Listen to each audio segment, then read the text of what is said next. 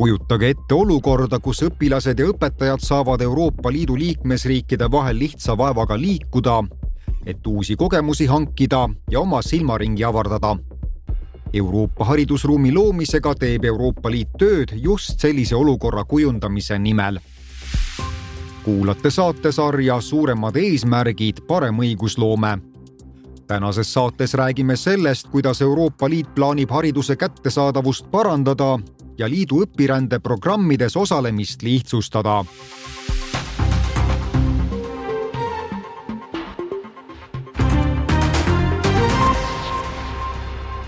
Euroopa haridusruumi eesmärk on suurendada õpirännet ja koostööd ning muuta liikmesriikide haridussüsteemid vastupidavamaks ja kaasavamaks.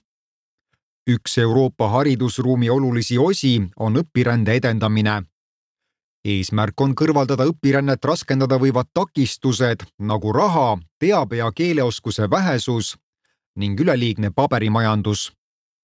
kõigepealt räägime aga, kuidas selle algatuse loomiseni jõuti. esimest korda kiitsid liikmesriikide juhid Euroopa haridusruumi idee heaks kahe tuhande seitsmeteistkümnendal aastal Göteborgis toimunud sotsiaaltippkohtumisel seejärel hakkasid Euroopa Komisjon ja Euroopa Liidu Nõukogu plaani pidama, milline Euroopa haridusruum täpsemalt olla võiks. Nad soovisid, et lastele antaks juba väikesest peale kaasavas ja võrdõiguslikus keskkonnas kvaliteetset haridust. lisaks tuleks haridusvaldkonnas teha tihedamat koostööd, et täiskasvanutel oleks võimalik tegeleda elukestva õppega haridus peaks samuti käima kaasas digi- ja rohepöördega, et valmistada tänased õppurid ette tulevikuprobleemide lahendamiseks.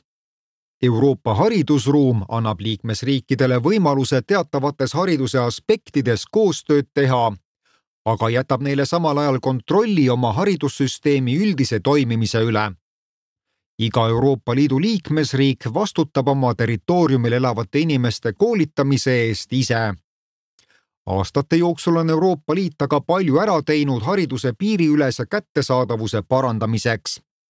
näiteks võib tuua Bologna protsessi kohaldamiseks loodud Euroopa kõrgharidusruumi, samuti rahastusprogrammi Erasmus pluss, mille eesmärk on haridust õpirände kaudu ajakohastada ja Kopenhaageni deklaratsiooni, mis suurendas koostööd kutsehariduse valdkonnas kahe tuhande kümnendal aastal pandi hariduse ja koolituse valdkonna üle-euroopalise koostöö raamistikus paika haridusvaldkonna eesmärgid järgmiseks kümneks aastaks.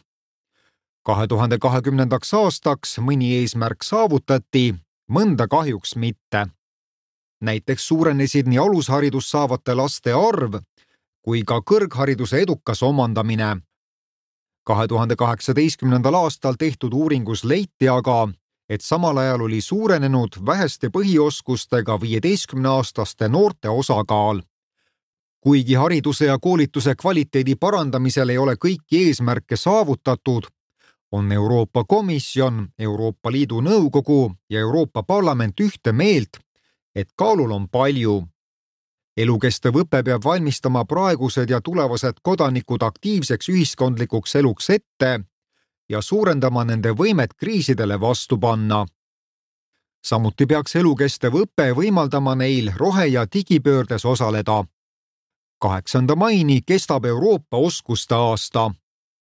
selle Euroopa Liidu kampaania eesmärk on anda inimestele oskused, mida on vaja hea töökoha leidmiseks ja aidata Euroopa ettevõtjatel tulla toime oskustööjõu nappusega kampaania jooksul korraldatakse üle kogu Euroopa tuhandeid üritusi, mille keskmes on oskuste arendamine. Euroopa Parlamendi kahe tuhande kahekümne esimese aasta uuringus leiti, et nägemus Euroopast kui haridusruumist on olnud Euroopa lõimumisprotsessi lahutamatu osa juba teisest maailmasõjast peale. Sellest tulenevalt toetab Euroopa Parlament ühtse Euroopa haridusruumi loomist. samal ajal rõhutab parlament, et seda tuleb piisavalt rahastada. ainult nii on haridus ja Euroopa Liidu õpirändeprogrammid kõigile õppuritele võrdselt kättesaadavad. Euroopa Liidu kõige tuntum õpirändealgatus on Erasmuse programm. kahe tuhande neljateistkümnendast kuni kahe tuhande kahekümnenda aastani pakkus Erasmus pluss õpirände võimalust rohkem kui neljale miljonile inimesele. kahe tuhande kahekümne esimese kuni kahe tuhande kahekümne seitsmenda aasta programmiga jätkatakse hariduse, koolituse, noorte ja spordi rahastamist ning loodetakse, et perioodi lõpuks on jõutud koguni kaheteistkümne miljoni osalejani.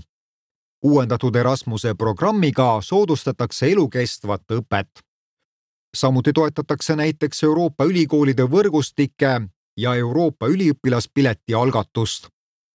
praegu on eesmärk suurendada kaasatust ja muuta protsess õpirändes osalejate jaoks võimalikult lihtsaks.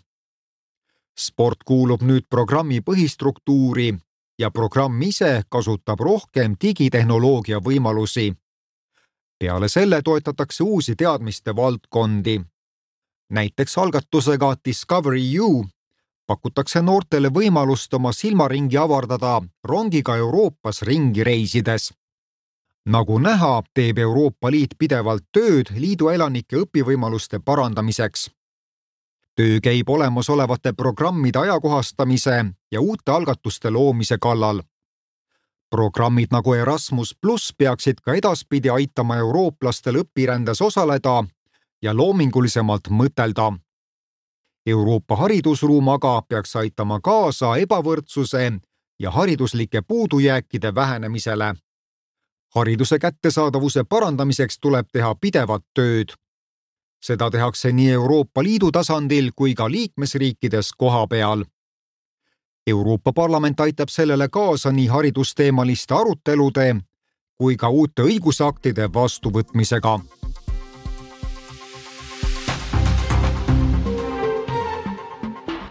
saate tõi teieni Euroopa Parlament. rohkem kuulamist leiate veebisaidilt Europarl raadio